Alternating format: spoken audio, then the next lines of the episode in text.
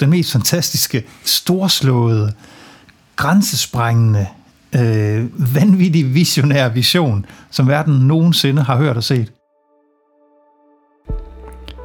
Hej hej, og velkommen til Mass og jagten på troserfaringer. I dag fylder podcasten rundt. Det er afsnit nummer 10, den svære tier. Og i den anledning, der var jeg taget til øh, Aalborg for at snakke med øh, Jesper Fodgaard.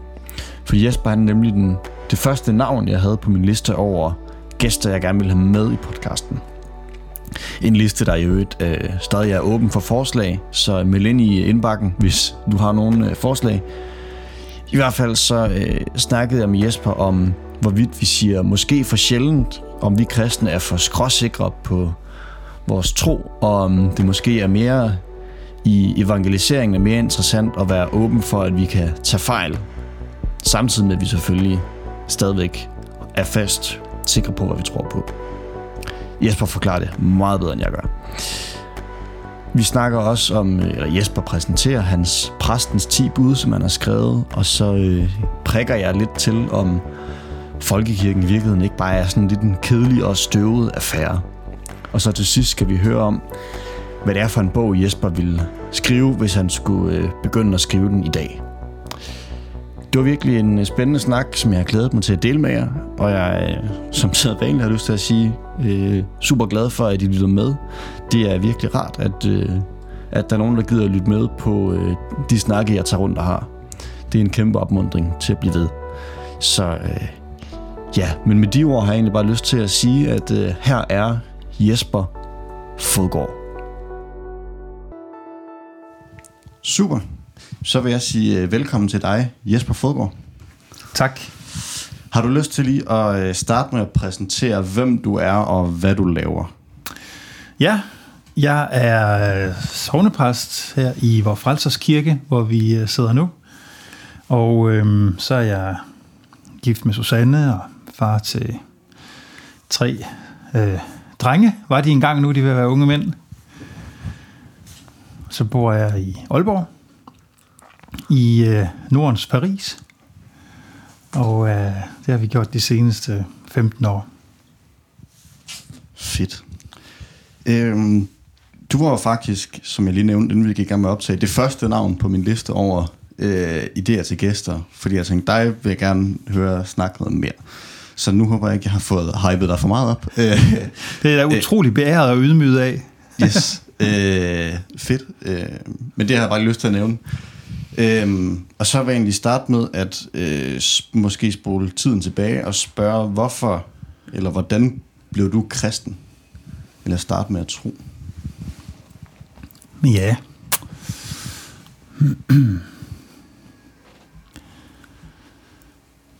Jeg tror, at så langt jeg kan huske tilbage, så har jeg været øh, optaget af de øh, øh store spørgsmål om liv og død og Gud og kærlighed og hvad vil det sige at være menneske og, og jeg kan nok jeg kan ikke rigtig huske et tidspunkt hvor jeg ikke har været i dialog med det. Mm. og øh, jeg er også vokset op i en familie hvor tro og kristendom og kirke har, har fyldt meget. Øh, og det har egentlig altid været øh, i med- og modspil har det været en del af den øh, jeg er. Øh, Ja, så har jeg haft perioder i mit liv, hvor det har været mest modspil eller mest opposition. Men det har altid været der, og jeg har altid bakset med det. Fedt. Eller ikke, men det er dejligt. øhm, har der været nogen sådan, øh, særlige episoder eller særlige øh, ting, der, var, der har været betydende for, at at, at du valgte at tage det fra din egen families med over til dit eget, dit, ja, dit eget liv?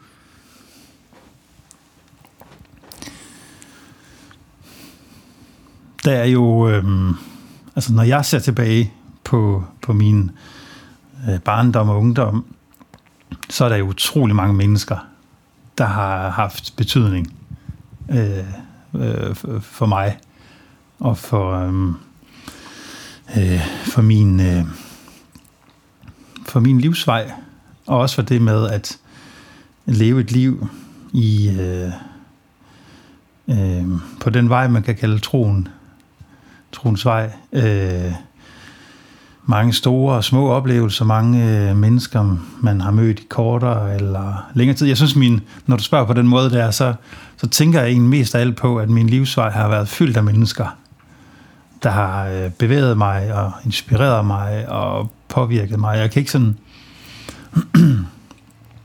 man kunne selvfølgelig godt nævne nogen, der var vigtigere end andre, og, øh, men jeg tænker mest af alt på, når du stiller spørgsmålet på den måde, på at jeg synes, min, mit, øh, jeg har været så heldig i mit liv at have haft mange mennesker og mange stemmer, øh, som, har, øh, ja, som har bevæget mig og beriget mig, og som har også turet, turet vil mig noget.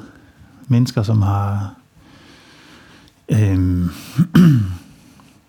på tidspunkter i mit liv turet øh, øh, prikke til mig og gå til mig. Og det er egentlig, øh, det synes jeg er sådan en, ja, det for mig det var en meget, meget stor rigdom. Men nogle sådan enkeltstående sådan hændelse. Øh, hmm, tænker jeg ikke lige på.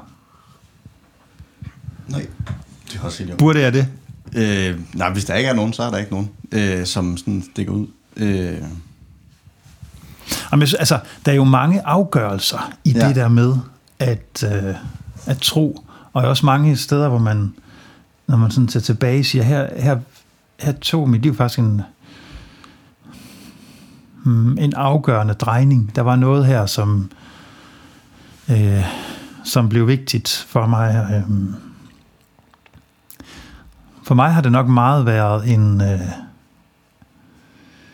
ja, jeg ved godt, det er sådan lidt barnagtigt måske at sige, men øh, jeg synes mere, det har været øh, det har været troen, der har fundet mig, end mig, der har fundet troen. Øh, jeg synes, jeg er blevet øh, et af mine livs øh, store rigdomme har været, synes jeg, at jeg jeg synes, jeg er blevet draget uimodståeligt ind i, øh, ja, ind i troens verden.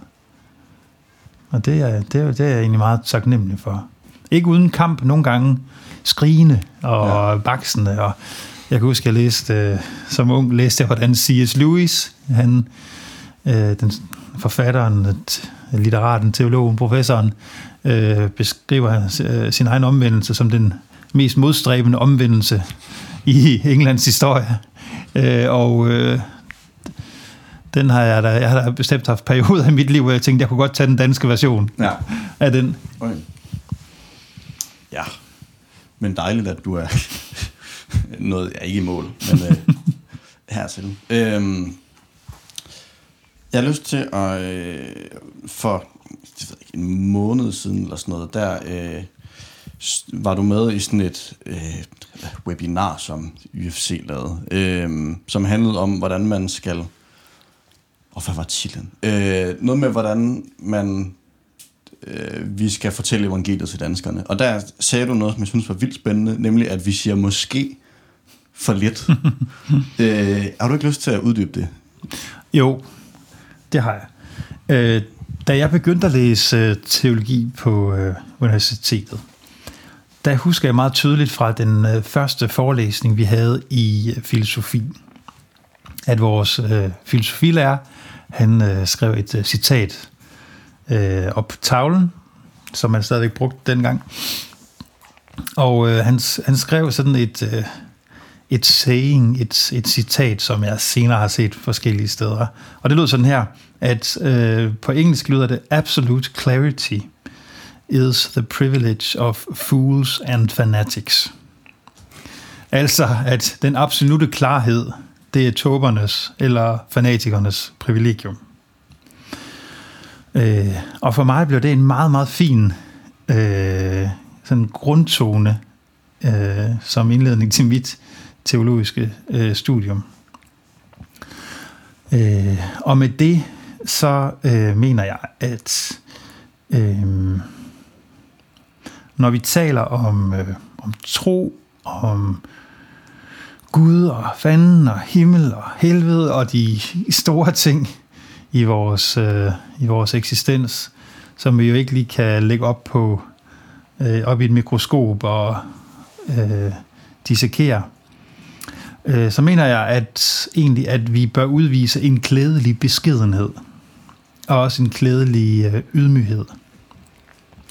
Og det er det, jeg mener med, at øh, måske siger vi måske for lidt, ja. øh, når vi er i samtale med mennesker øh, omkring, øh, omkring, øh, omkring tro, omkring Gud, omkring øh, de allerstørste ting her i livet, kan der, altså fronterne kan blive trukket for hårdt og for skarpt op over for hinanden. Øh, og jeg tænker nogle gange, at øh, i, øh, i samtaler eller debatter om de her ting, fordi de, de jo rører ved noget dybt i os, øh, så kan vi øh, øh, så kan vi komme til at blive så skråsikre, at vi enten bliver tober eller fanatikere. Og ingen af delene er særlig kønt mm. at, øh, at se på. Så øh, jeg, jeg kigger næsten altid efter, om dem, jeg taler med, eller dem, jeg hører tale, har de, øh, har de sådan en, en rysten på hånden? Øh, eller er de for skråsikre? Og med en rysten på hånden mener jeg, øh, har de tænkt den tanke, at de kunne tage fejl?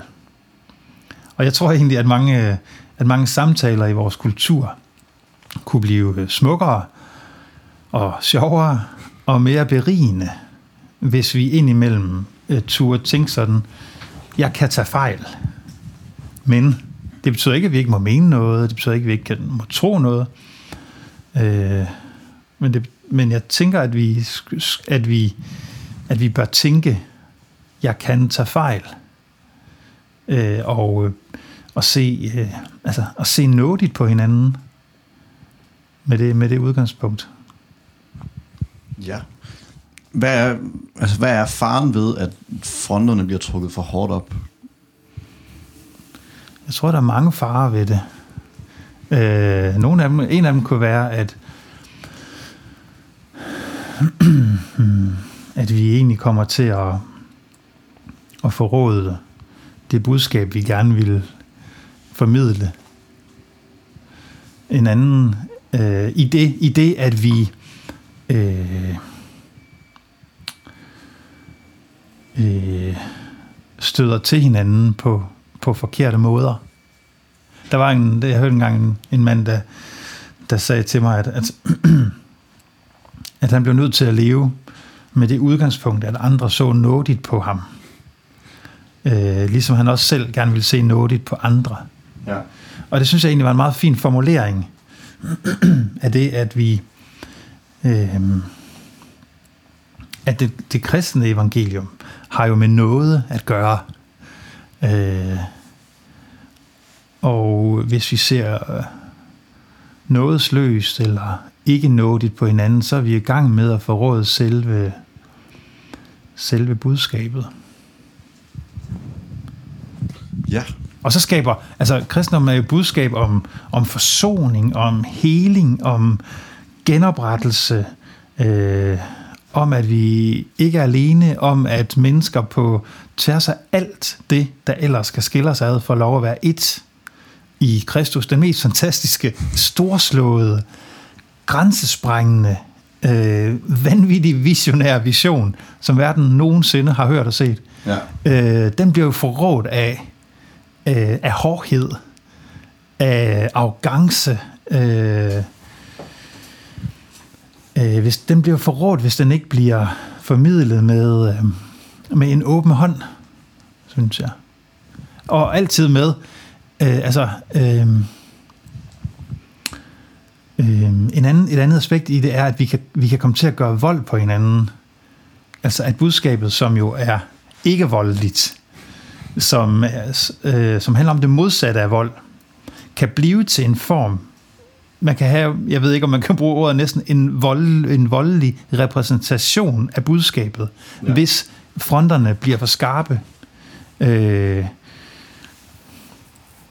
og det er jo en, øh, det er en dyb ulykke, en, eller en, en stor, stor ulykke, hvis vi har sådan en næsten ordvoldelig repræsentation af budskabet om selvhengivende, grænseløs, selvopoffrende kærlighed. Øh, og vi kan jo... Øh, øh, ja, og, og i det kan man jo miste, øh, miste respekten for den enkelte. Altså, nu, nu, jeg taler jo med, nu er jeg en, en halvgammel mand midt i 40'erne, ikke også? Og, og jeg, kan, jeg taler også nogle gange med mennesker, der er meget yngre end mig selv, om tro, som indleder sådan øh, spændende diskussioner om alt muligt. Øh, og der kan godt være diskussioner, som jeg sådan øh, rent fornuftsmæssigt sådan godt kunne vinde, hvis man sådan skulle gå ind i sådan et taber, hvem taber eller vinder den diskussion. Ja. Men hvor jeg ikke skal gøre det, fordi det vil være en form for vold, og det vil ikke tjene sagen. Altså der kan være ting, vi skal lade være med at sige, fordi det ikke vil tjene øh, sagen, tjene anlægget. Ja, spændende. øh, hvis jeg lige vil prik til det lidt, fordi øh, jeg, jeg, jeg tror, der er virkelig meget rigtigt i det, du siger. Men er der ikke også en fare øh, for, at vi mister, altså som du selv siger, altså det er jo vanvittigt, altså det er jo, tyngden i budskabet er jo også, vild, er der ikke en fare for, at vi mister lidt af tyngden, hvis det bliver for blødt, eller for meget måske? Der er altid en fare for, at vi, at vi går fejl af budskabet og kommer til at øh, sværte det til.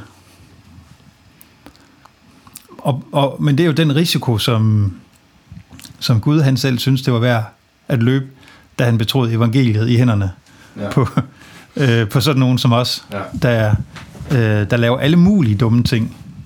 Øh, og, øh, og det er jo en anden side af det der med at sige måske, som vi jo kom, af, kom fra, at øh, netop fordi vi mennesker og fordi vi har alle mulige øh, blind spots, kan det være klædeligt og også give god mening øh, en gang imellem at, at turde sige måske. Ja. Øh, ja. En anden side af det er, øh, jeg har et citat på min oftestavle, ja. som, øh, som taler om, at vores kultur har øh, accepteret øh, to løgne. Og øh, den ene løgn, det er, at hvis du er uenig med nogen, eller med nogens livsstil, så skal du enten frygte dem eller hade dem. Øh, og den anden løgn er, at hvis du elsker nogen, så bliver du nødt til at være enig med dem i alt, hvad de siger og gør. Og jeg synes egentlig, det er meget øh, skarpt set, at det er, det er faktisk to løgne, som forhindrer os i at føre gode, vigtige, dybe samtaler med hinanden. Men at vi kan godt være, vi kan godt øh, vi kan godt virkelig, virkelig mene noget og tro noget og sige, det her det så vidt som jeg kan så vidt som jeg kan se det her. Øh, så vidt som jeg kan med min ånd og med min tænkning og med min fornuft og med mit væsen og med mit hjerte. Så, så langt som jeg kan komme med det her, så tror jeg det her. Jeg vil gerne kæmpe for det, og jeg vil gerne øh, gøre det gældende. Og jeg vil gerne øh, forsøge at overbevise andre om, at det her det gælder også for dem. Samtidig med, at du har en åben hånd og lever med øh, den åbne mulighed, at du kan faktisk øh, tage fejl. Ja. Øh, og du kan faktisk øh, have dine øh, blind spots. Og du behøver ikke at frygte at hade nogen, der synes noget andet end dig. Øh, du er faktisk fri til at øh, elske dem, også selvom de synes noget helt andet end dig. Vi har i, øh, i vores kirkebøn her i kirken, der beder vi hver søndag for... Øh, for dem, der tror og tænker noget andet end os selv. Og det synes jeg egentlig er en dejlig bøn at bede, øh, og, en, øh, og, en, og en vigtig bøn at bede. Smukt øh, og dejligt. Du sagde også i, øh, ja, i, i det førnævnte øh, webinar, øh, at øh, vi skal sige ting, vi selv vil høre. Øh, har du lyst til at uddybe det også? Jo, jo, fordi øhm, det er sådan en... Øhm, jeg ved ikke, om det er en præstesyge, eller om det er sådan en generel kristen syge, at når vi taler om øh, for eksempel at formidle evangeliet eller forkynde evangeliet for danskerne, så kommer vi meget, meget let til at, øh, øh, at hele tiden tænke på anden hånd. Og, altså at tænke på noget, som nogen har brug for at høre.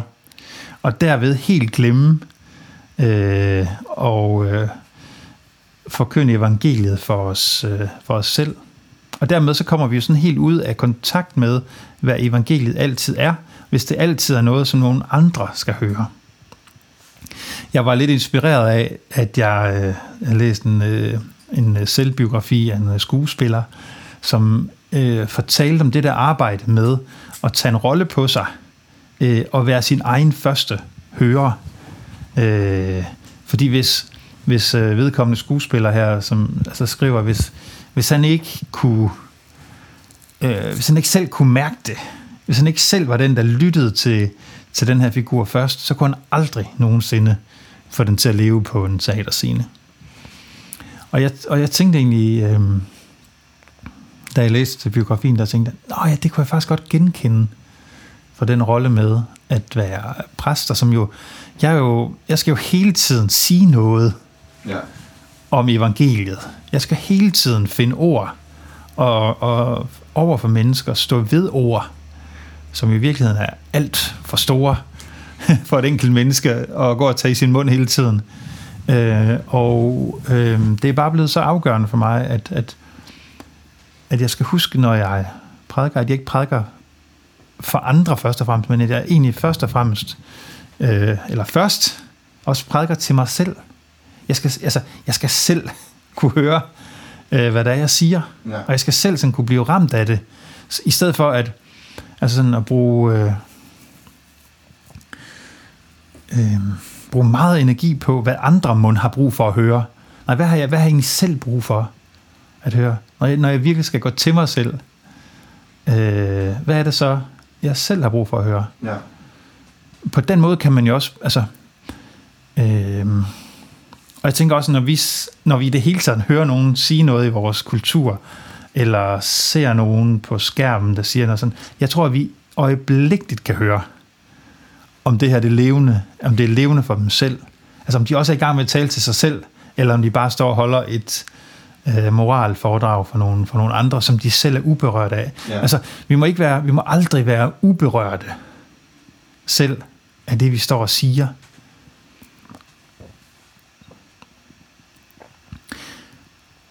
Øhm, man skal kunne høre på en, øh, hvis enten det, er en, hvad enten det er en præst, eller en forkynder af en eller anden art, eller en, der formidler noget, man skal høre, man skal kunne høre på dem, mærke på dem, at de selv, øh, at de synes, verden er et spændende sted, at de synes, at de mennesker, der er foran dem, er værd at elske, øh, at de ikke er i gang med at forsøge at bruge de mennesker, de er i gang med at tale til, til noget andet. Jeg ved ikke, om det giver mening, men man, man kan nemt sådan få, man kan godt komme til at få sådan et, et forhold til dem, der lytter til en, at, at øh, hvis det er på en teaterscene, om det er nogen, der skal give mig bifald, eller ja. øh, det er nogen, jeg skal bruge til at højne min egen anseelse, eller hvad det kan være. Og det kan man jo også i en kristen sammenhæng, det kan man også som præst komme til. Og der tror jeg bare, det er vigtigt, at man, at de mennesker, man har foran sig, øh, at det er nogen, man har bestemt sig for, at man egentlig vil elske dem. Og ja. at de ikke skal tjene mit formål, men at de er deres eget formål. Ja. Det kan godt, altså så så mennesker bliver mål i sig selv? Ja. Eller hvad? Ja. Okay. Så man ikke skal bruge mennesker som mål til noget andet. Nej. Det kan jeg god mening. Øhm, men jeg vil sige, der er vel også en far ved, at det bliver, altså hvis evangeliet bliver for trivielt, og bliver bare til, det ved jeg ikke, ordsprog eller talemåder, altså det, det der vel også, ikke for at lægge ord i munden på dig, men der er vel også noget i, at når, hvis det bare bliver ja, trivielt og noget, jeg bare siger, fordi jeg har hørt det før. Altså, det er der vel også en fare i, i det. Øh, det ved jeg ikke, hvad du tænker om. Jo, jo, det kan jeg sagtens genkende. Ja.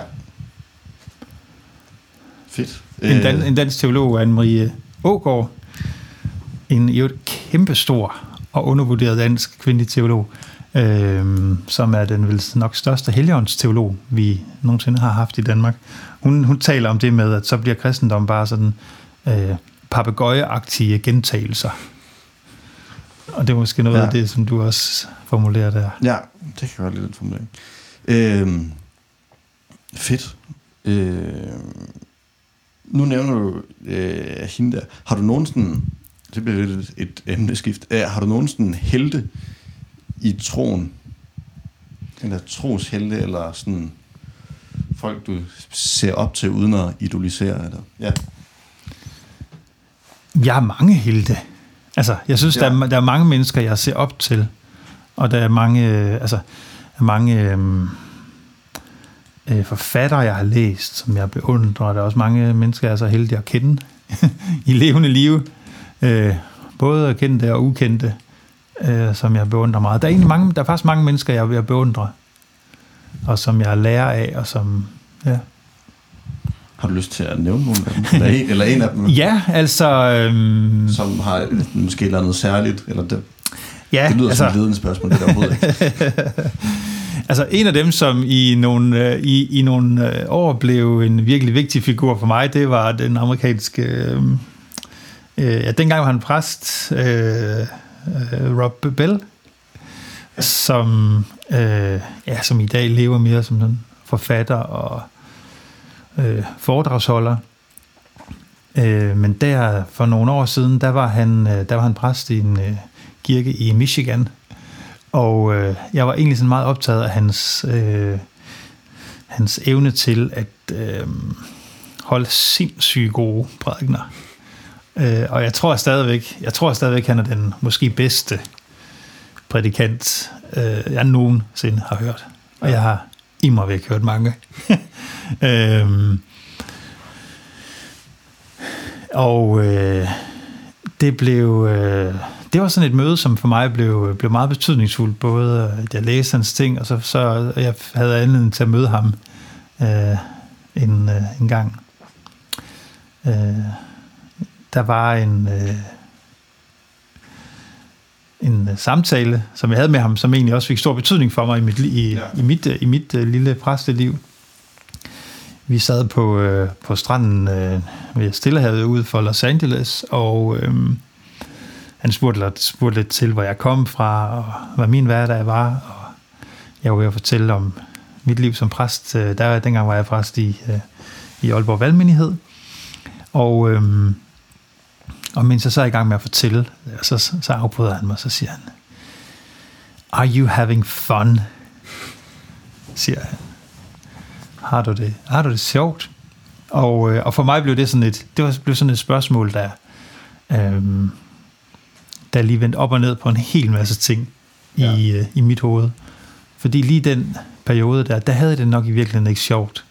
Og jeg var blevet, øh, jeg var blevet for anstrengt, og helt sikkert også for anstrengende øh, som, som præst. Øh, og det der spørgsmål og den samtale øh, med ham blev, blev faktisk meget betydningsfuld for mig. Ja. Jeg, øh, jeg bestemmer for, at øh, jeg vil saftsus med at have det sjovt. Øh, jeg vil simpelthen grundlæggende set have det sjovt med ja. at være præst, og med at være menneske, og med at være familiefar. Øh, og jeg er med på, at man kan ikke altid gå grinende gennem livet, men grundlæggende set, så, så, så, så førte det mig. Det var sådan et møde, der førte mig til en ny måde at, at tænke på, og i virkeligheden også sådan en ny måde at, at leve på. Jeg blev sådan... Øh, jeg blev væsentligt lettere af det, øh, af det møde, af den, af den samtale, og jeg har haft det væsentligt sjovere. Ja end jeg ellers ville have haft. Og det var, det var bare lige et Fedt. eksempel. Ja. Men øh, som sagt, jeg, jeg har simpelthen mødt så mange spændende og inspirerende mennesker. Ja. Øh, Det, det, skal vi, det skal vi helt sikkert vende tilbage. Har du flere eksempler? inden, vi- inden vi, Nå, men jeg kunne, læ- altså, jeg kunne nævne mange. Ja. Jeg kunne også nævne første gang, jeg egentlig læste Kierkegaard, eller Luther, eller Grundtvig, eller jeg kunne nævne øh, min kone, eller min børn, eller min familie, eller venner, eller kolleger, eller øh, synes, jeg har mødt virkelig, virkelig mange spændende ja. spændende mennesker. En anden meget formativ figur for mig blev Eugene Peterson, en øh, sådan kanadisk amerikansk, ah, han er amerikansk præst, var han i en årrække, og, Ja. og senere øh, professor ved et college i Canada, så vidt jeg husker. Han har et stort og spændende forfatterskab, som jeg synes bør være pensum for, øh, på et hvert øh, teologistudie. Øh, han døde her for halvandet års tid siden, øh, tror jeg. Hans forfatterskab har også været meget sådan formativt for mig og min måde at være øh, præst på. Og det var egentlig... Jeg havde en, øh, en måned studieoverlov en gang, hvor jeg sådan bare læste ham. ja.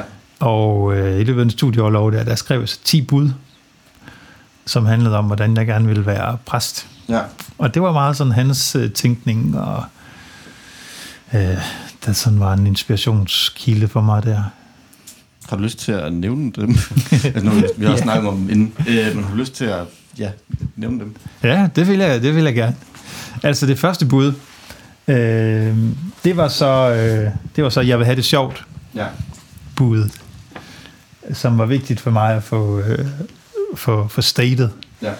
at, øh, at det der med at være, øh, at være præst, øh, det skulle da være sådan en grundlæggende øh, glæde, øh, og øh, også gerne lethed knyttet, knyttet til. Øhm. Og det andet bud, det er, øh, jeg vil ikke have travlt. Jeg bestemte mig for på et tidspunkt, at, øh, at jeg vil simpelthen ikke være sådan en præst, som man øh, skal ringe flere uger i forvejen for at kunne få en, øh, en, øh, tid, en tid hos. Mm. Jeg vil ikke gerne være en præst, som har sådan en grundlæggende øh, tid til at øh, være sammen med mennesker, til at, øh, til at læse, til at bede, til at øh, forkynde. Øh, og jeg tror, der er noget i, altså, der er noget i vores, øh, i vores tids travlhed, som, som er sådan, bliver sådan en modsigelse af, ja, i virkeligheden af selve evangeliet, af, af det gode liv, af, og øh, det er altid ulykkeligt, ekstra ulykkeligt på en eller anden måde, hvis øh, præster og kirker bliver fortravlede. Det betyder selvfølgelig ikke, at man ikke godt kan have dage, hvor man er travlt. Og, øh, men for mig betød det, for mig var det vigtigt at sige, at jeg vil grundlæggende ikke leve et travlt, et fortravlet liv. Øh, jeg vil også gerne være, øh, være, være mere lyttende end, end talende. Det andet bud, eller det tredje bud, det hedder, mm, jeg vil sætte noget på spil. Det var en, en meget god ven, som, som sagde det til mig en gang, at vi skulle turde sætte noget på spil. Vi skulle turde risikere noget. Ja. Øh, og det har, jeg, øh, det har jeg også sådan forsøgt efter bedste evne. Øh, turde sætte noget på spil, turde tage nogle chancer, turde, turde gøre noget, turde gå nogle veje, hvor man ikke lige helt kan se det til enden. Det fjerde bud, det er, at det hedder, jeg vil ikke have dagsordner for andre mennesker. Mm. Øh, og i sådan en kirkelig sammenhæng, der kan det godt være sådan en, der kan det godt være noget, som øh, præster og ledere let kan få. At man lige ved, hvordan man kan man har lige præcis det, som den her person vil være god til, eller passe godt ind i, i kirken, hvis man har noget, man skal have lavet, eller en tom plads, eller en god idé på andres vegne, eller øh, og jeg tænker sådan helt grundlæggende set, ikke at have dagsordner for andre mennesker. Vi talte lidt om det tidligere, også i forhold til det med at være forkynder, at, øh, at prædike for mennesker, egentlig er det sådan et, det er et stort, både, pri, øh, både privilegium, men også et stort ansvar at skulle øh, prædike for mennesker. Øh, og jeg øver mig, altså alt det her er noget, jeg øver mig i Ja. Jeg øver mig i ikke at have dagsordner for dem, jeg prædiker for. Altså, øh, jeg føler mig forpligtet på at prøve at forkynde evangeliet så godt jeg kan. Jeg er ikke forpligtet på, hvad mennesker så gør ved det. Det er deres egen sag. Ja. Vi, de er frie mennesker, øh, og jeg skal, ikke, jeg skal ikke forsøge at øh, pådue dem bestemte dagsordner.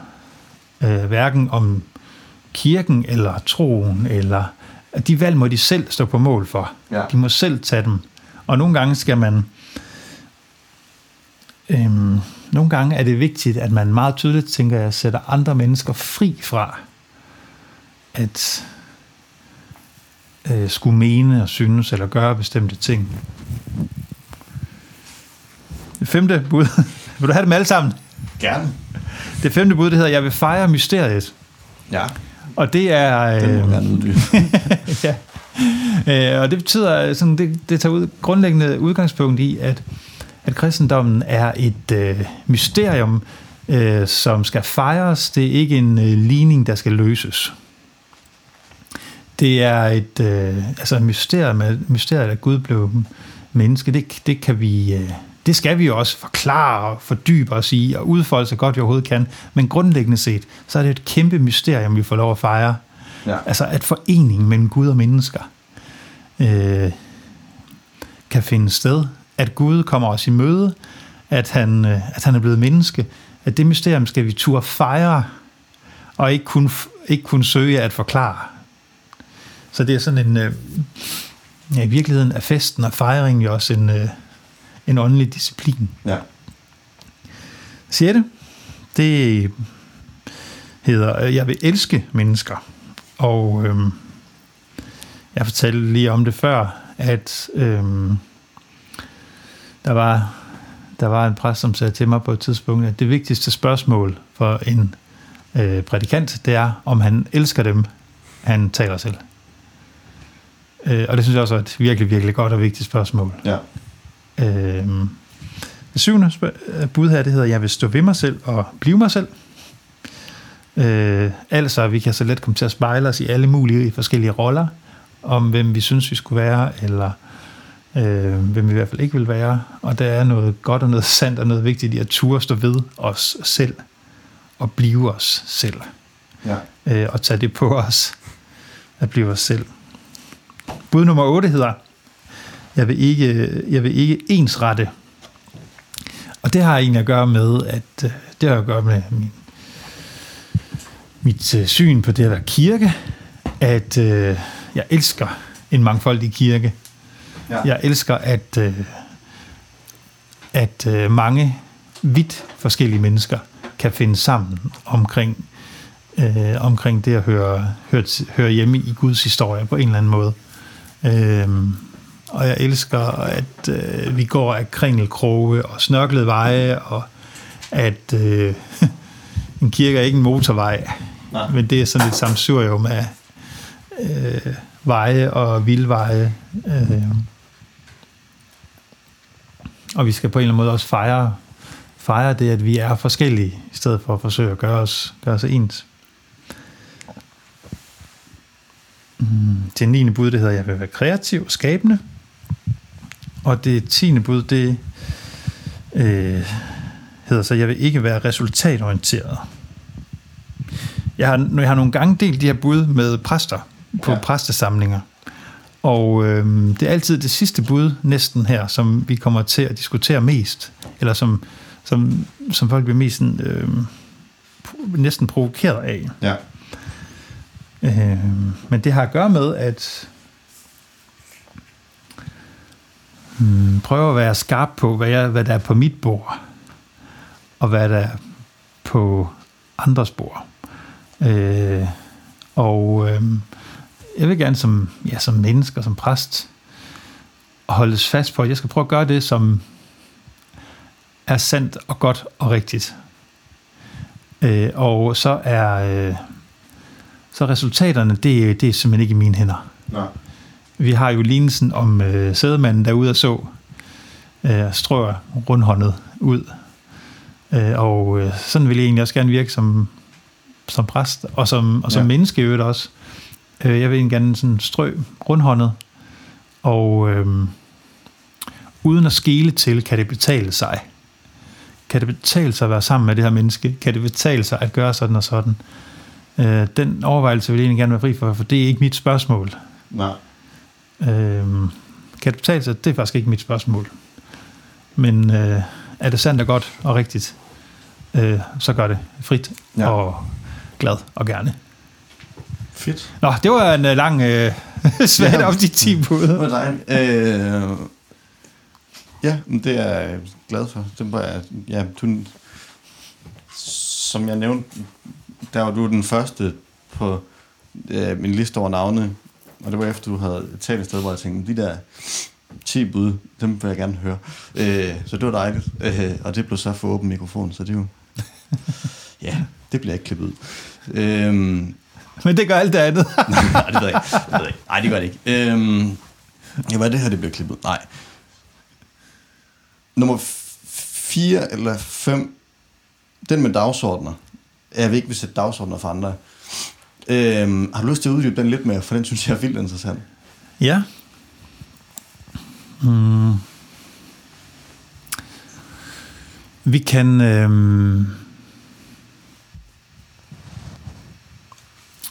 jamen, jeg kan bedst forklare det, tror jeg, på den måde, at øh, vi kan så let i vores... Øh, i al vores gode vilje have alle mulige gode planer for, hvad andre de skal synes, eller gøre, eller, øh, eller mine.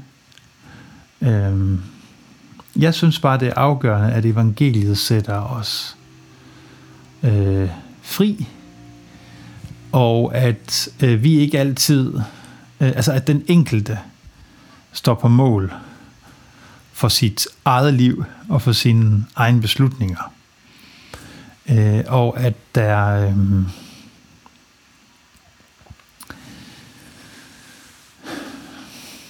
der kan godt være, der kan godt nogle steder opstå sådan næsten en forbrugskultur øh, omkring det at være menneske. Der er masservis af steder i vores samfund i dag, hvor vi skal bruges til alt muligt. Øh, vi er jo forbrugere af alle, alle steder. Øh, så der er masservis af steder og situationer, hvor vi hele tiden skal bruges til ting. Øh, og der synes jeg bare, det er afgørende, at en kirke er et sted, hvor du faktisk ikke skal bruges til noget. Øh, hvor du øh, hvor du har sådan et, et, et, et, et anderledes, et tydeligt anderledes rum, hvor du ikke er forbruger, eller hvor du ikke er kunde, øh, men hvor du er til stede øh, som menneske. Øh, bare fordi du er menneske. Og det, kan, og, den, og det kan vi så nemt tage væk fra hinanden ved at forsøge at bruge hinanden i den gode sags tjeneste. Ja, og jeg synes, altså, ja, det er faktisk også det, den, det, det andet punkt, vi altid kommer til at tale om, når jeg deler det her med andre præster. Ja. Øh, og det tror jeg, fordi vi så nemt kan synes, vi lige ved, hvad der er godt for andre. Men det ved vi i virkeligheden ikke ret tit. I virkeligheden Nej. så ved vi ikke ret tit, hvad der er godt for andre. Det, det synes jeg, jeg oplever igen og igen. At, øh, ja, derfor så, vi ved ikke ret meget om, hvad der er godt for andre. Nej. Øh, og hvad der er. Men, men vi, men vi kan være sammen med hinanden, og vi kan følges med hinanden, og vi kan gøre forhåbentlig evangeliet gældende sammen med hinanden, også uden at skulle have dagsordner for hinanden. Jeg ved ikke, er det mening? Det synes jeg. I hvert fald for mig. ja. Øhm, fedt. Fedt. Øh, så har jeg lyst til at spørge, og det spurgte jeg også i, jeg tror det var afsnit 2, hvor jeg havde Daniel Hårgaard med, som også har lavet et lignende skifte. Det lyder som om det er sport med. Øh, øh, men jeg har lyst til at spørge dig, hvad kan folkekirken så? Jamen, folkekirken kan jo især det, at øh, den har øh, den har øh, folket. Altså folkekirken har folket på en ja. eller anden måde. De fleste mennesker i Danmark er på en eller anden måde knyttet til, øh, til, til folkekirken. Nu er en, øh, nu en valgmenighed jo også en del af folkekirken. Øhm, men det er klart, at det at være en sovnekirke kan noget særligt i forhold til at være i kontakt med den helt almindelige dansker. Og øh, jeg synes, det er, jeg, synes, altså, jeg elsker at være præst i, i Aalborg Valgmenighed, hvor jeg var præst, og øh, jeg elsker at være præst her. Øhm, det er to meget, altså det er en to forskellige former for menigheder, men, men, men det er samme, øh, det er samme rige, ja. øh, og det er også, øh, ja, men, men det med at være sovnekirke, det man møder jo, øh, jeg har virkelig lært meget af det. Ja. Øh, og jeg har lært meget af det at øh, møde øh, alle mulige forskellige slags danskere og tale om tro og liv med dem. Øh, og det er, jo sådan den, det er jo sådan den der særlige gave, der er ved det ved at være folkekirken, synes jeg. Det er, altså, der er jo ingen, der er jo ingen kirkelige ordninger, der er øh, særligt rene eller særligt hellige, tænker jeg. Mm. alle, alle ordninger, det er jo bare det er jo det menneskelige ordninger, øh, ja. og der findes øh, styrker og svagheder, stærke sider og svage sider ved forskellige typer, typer ordninger. Det, som jeg ser som Sovnekirkens helt store øh, øh, force og stærke side, det er, at øh, vi har hele tiden med den sådan almindelige dansker at gøre. Og det er jo virkelig, virkelig spændende. Øh, ja, også, også udfordrende. Ja.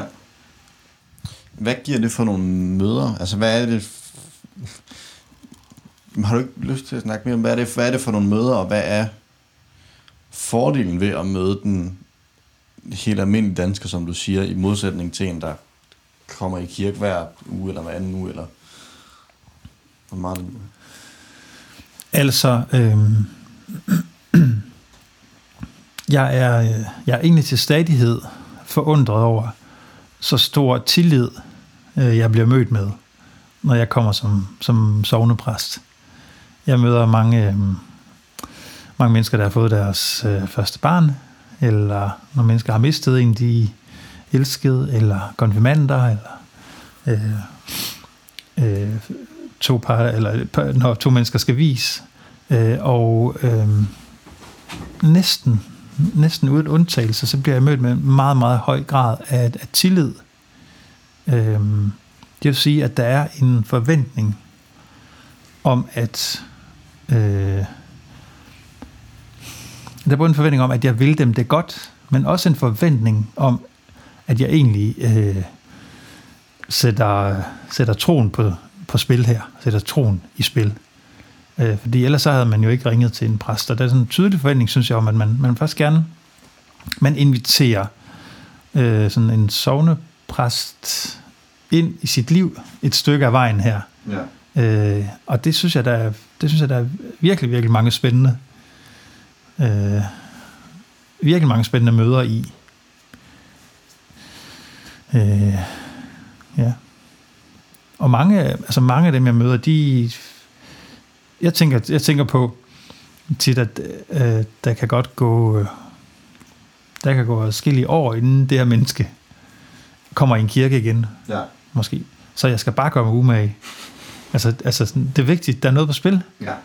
Øh, med de der øh, både små og store møder, øh, ja, skal man gøre sig umage, man får, man får virkelig noget betroet, som man også skal tage ja, sådan, tage godt vare på. Ja. Fedt.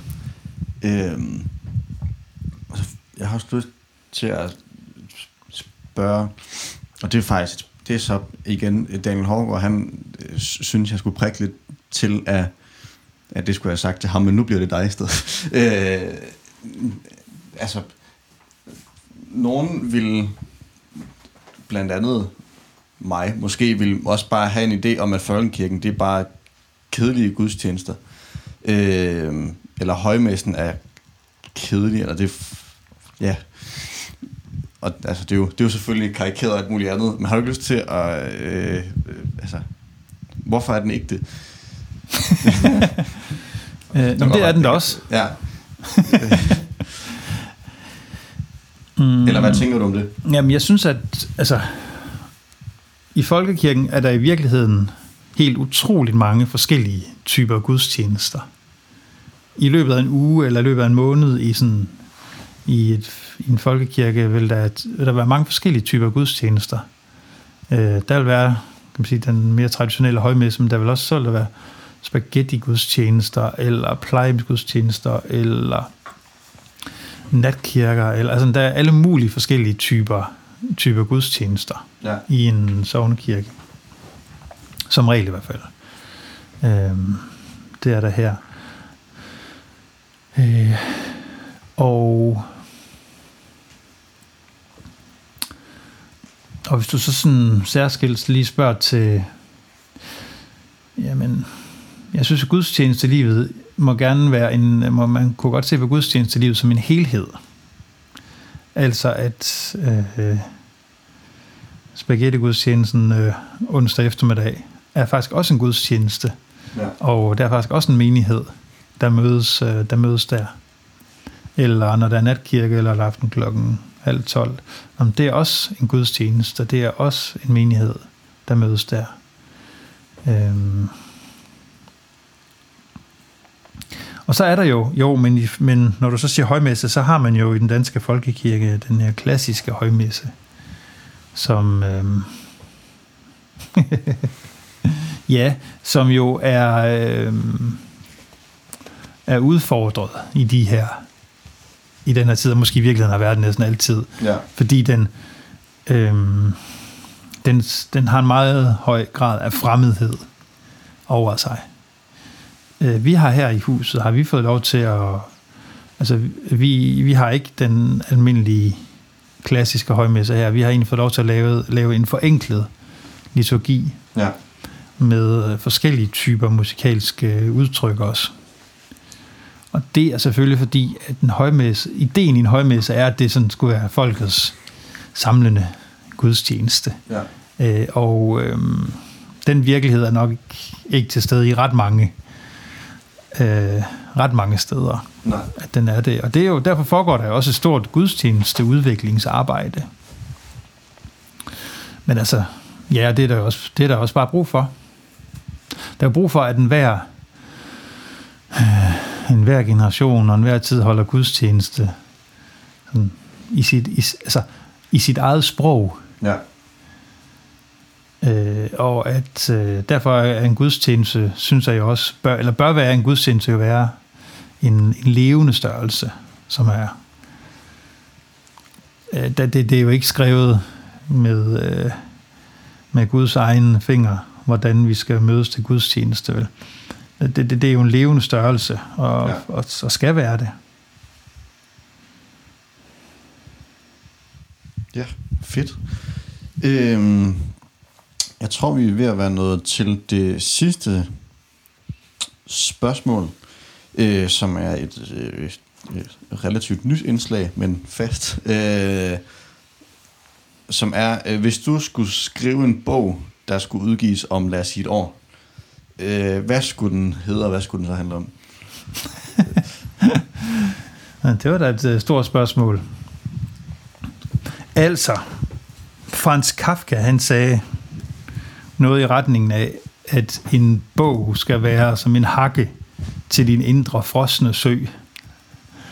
Og øh, det synes jeg egentlig er meget godt sagt. Ja. Og sådan, hvis jeg skulle skrive en bog om et år, så skulle det gerne være en hakke til vores indre frosne sø. Og øh,